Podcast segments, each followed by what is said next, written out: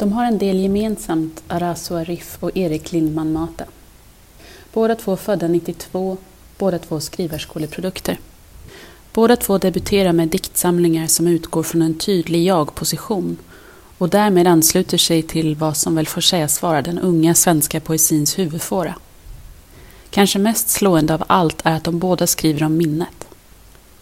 Arasu Arifs Mörkret inuti och fukten handlar om hur barndomens upplevelser av våld i hemmet återspeglas och gestaltas i den vuxna människans kärleksrelationer av BDSM-natur. Erik Lindman Matas Pur handlar om en flickväns plötsliga självmord. En gemensam fråga kan sägas vara vad är minnet för slags odjur och hur kan man tämja det? Så långt liknar de varandra, ja. Men det finns också väsentliga skillnader. Som att Arifs dikt jag gärna vill glömma eller kanske frigöra sig från barndomsvåldets strypgrepp. Medan Lindman Matas dikt jag desperat försöker komma ihåg så mycket som möjligt. De har valt skilda språkliga spår. En omedelbarhet och enkelhet, Arif, mot en krångligare lyrik byggd på upprepningar och citat, Lindman Mata. Lästa tillsammans öppnar och komplicerar de här diktsamlingarna varandra eftersom de gör två rakt motsatta påståenden. Det är inte möjligt att glömma. Det är inte möjligt att minnas. Men på en punkt är de ense. Här formulerad av Arasu Arif. Citat. Minnet smärtar var man än rör vid det. Slutcitat. Mörkret inuti och fukten levereras från förlaget osprättad. Så att den som vill läsa och förstå texten först måste våldföra sig på dess fysiska behållare medelst kniv. Ett enkelt grepp på ett sätt, men effektivt. Och så är just detta en genomgående tanke i boken. Att kroppen är läsbar. Att andra människor bara behöver titta på en för att förstå vad man varit med om. Kroppen utgör alltså sin egen text. Och frågan är hur man omformaterar den. Det kan också formuleras som en fråga. Vilka sorts ingrepp är nödvändiga eller kanske till och med önskvärda? Eller som pressmaterialet uttrycker det, citat. Om kärlek, sex och våld är delar av samma sak, hur ska vi då kunna älska varandra? Slutcitat. Man kan förstås ifrågasätta den förståelsen av kärlek, men inte dess konsekvenser i just den här texten. Citat. Är det hudens blekhet, det kalla och karga, vitt pulver inuti och utanför, kanske mörkret, som gör att de hör av sig, männen? Slutcitat. Hudens vita duk blir projiceringsyta för älskarnas drömmar. Men den sexuella utlevelsen mynnar aldrig ut i verklig gemenskap. Citat. Jag vet att vi begår ett misstag när vi försöker tala med varandra. Slutcitat. Diktjaget undrar, citat. Finns det något i språket som kan göra om oss? Slutcitat. Märk väl en fråga utan frågetecken, som vore den mer en prövande utsaga, ett trevande försök som aldrig riktigt kan formuleras ordentligt. Orden har överhuvudtaget tappat sin makt. Citat. Jag kan vara vem som helst. Du kan fråga vem jag är och jag kan tala sanning. Slutcitat. Men vad betyder den där sanningen? Kanske är den bara en läpparnas bekännelse. Den psykoanalytiska insikten. Kroppen talar. Kroppen ljuger inte. Den lever hela tiden sin sanning och uttrycker själens upplevelse av förnedring och underkastelse. Och där ligger faktiskt ett slags hopp, rent poetologiskt. För så smidig den är, den här textkroppen som hela tiden utger sig för att vara sargad. Som på så många sätt beskriver snitt, slag och hål. Så elastisk, följsam och mjuk. Det är istället Erik Lindman Matas minnestext som är full av hack. Så här ser ett typiskt stycke ut. Citat. Stannar och ett ansikte som försvinner håller fast och ett ansikte försvinner. Du försvinner och jag gör vad som helst. Inget, det försvinner. Dröjer och det försvinner ändå. Dröjer ändå. Och det försvinner. Dröjer. Dröjer ändå. Slutcitat. Det är lite som om en hårddisk har kraschat och detta är vad man lyckats återställa. Brottstycken, sönderfallande fragment, undanglidande tankar så letar Erik Lindman Matas diktjag mycket riktigt frenetiskt igenom den döda flickvännens dator i jakt på spår och kanske förklaringar. Citat. Allt. USB-fotona, senast dina listor, papper, anteckningsböckerna och brev, din backup. Som allt, samla allt, för ju mer ju längre. Ladda ner alla våra meddelanden. Scanna allt, tryck på syrafritt papper, alla mejl som skärmdumpar. Slutcitat. Här hägrar det digitala löftet om fullständighet. Som hos Borges, en karta av världen som täcker hela världen. Om listorna, anteckningarna och breven kan sparas ner och bevaras kanske det som hände också kan förklaras. Men en textmassa, en textkropp, är inte detsamma som en levande människa. Det är diktens tragedi. Ändå framhärdar diktjaget.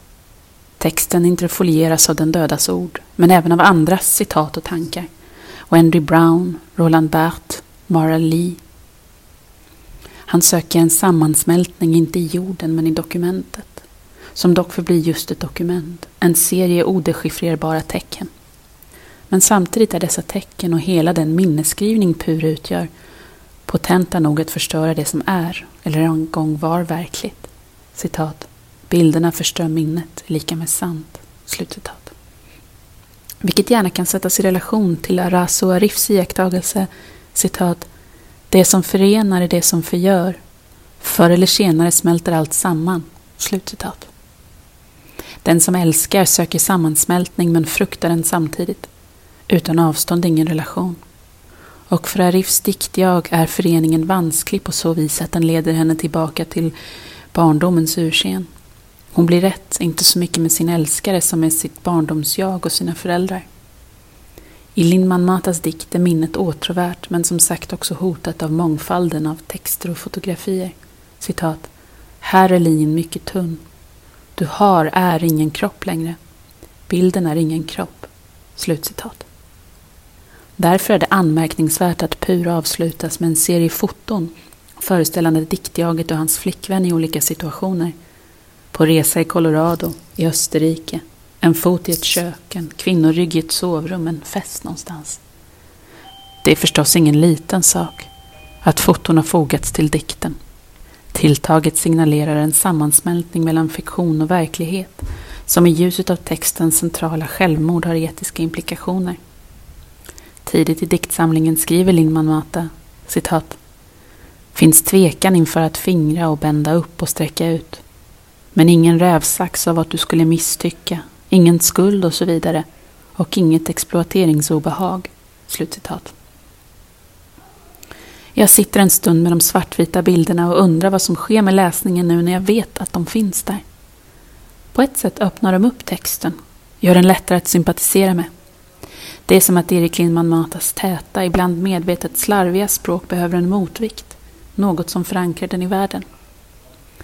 För Arasu Arif är det snarast tvärtom.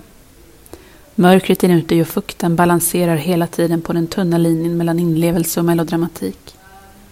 Det är inte bara språket som gör det, utan också räckan av bestämmande barndomsbilder. En far som slår en mor, tallrikar som flyger, en flicka med sina dockor. Sådana grepp kräver sin yrkesskicklighet. Det finns en passage i Martina Lovdens dagboksroman Allt där berättarjaget och hennes brevvän diskuterar hur de ska kunna nå fram till en punkt utifrån vilken de återigen kan skriva om hjärta och smärta. Jag har själv undrat hur man hittar dit. Hur man återerövrar naiviteten och intensiteten utan att ge efter på den litterära höjden. Många av bilderna i Arazo Arifs diktsamling är urtvättade, välbekanta, tunnslitna som trådiga, klorblekta lakan. Det vill säga, andra texter lyser igenom tyget. Andra texter och välbekanta diskurser, närmast uråldriga metaforer. Diktjaget kan fantisera om, citat, att lämna märken på dig, som snittet under sexet. Jag skar dig och du bytte språk. Avståndet kunde mätas i blodet, som befläckade de vita lakanen. Synden. Slutcitat. Och det är en helt väntad bild. Men den kanske också är den för situationen mest passande. Medeltida konstnärer kunde göra mästarprov genom att snida en perfekt kopia av en redan existerande dörr. Och nog lägger vi hela tiden vårt kalkerpapper över den litteratur som föregått oss. Jag märker att textens mjukslitenhet, i brist på ett bättre ord, bekymrar mig allt mindre under varje successiv läsning. Det finns något inbjudande i det välbekanta. Kanske vi talar samma språk. Så arbetar som sagt inte Erik Lindman Mata. Hans mer nyskapande, olydiga och bångstyriga språk håller läsaren stången. Språket liksom motsätter sig den berättelse det är menat att hjälpa framåt. Som om det trots allt fanns en ambivalens där bakom. Som om diktjaget inte vore fullt så övertygad om sin etiska position som han utger sig för att vara. Återigen citat. Ingen rävsax av att du skulle misstycka. Ingen skuld och så vidare. Slutcitat.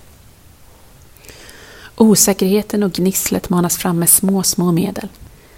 Lindman Mata skriver till exempel ett med romerstecken istället för ett. Och det är svårt att inte associera detta romerska tecken till engelskans I, jag.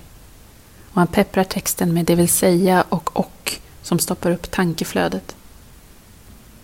Ibland framstår dessa förkortningar som rena undanmanövrar, som i en rad vilken beskriver ögonblicket efter att flickvännen anträffats död. Citat. Det fruktansvärda av att inte behöva leta längre och så vidare. Slutcitat. Vad döljer sig inte i detta och så vidare?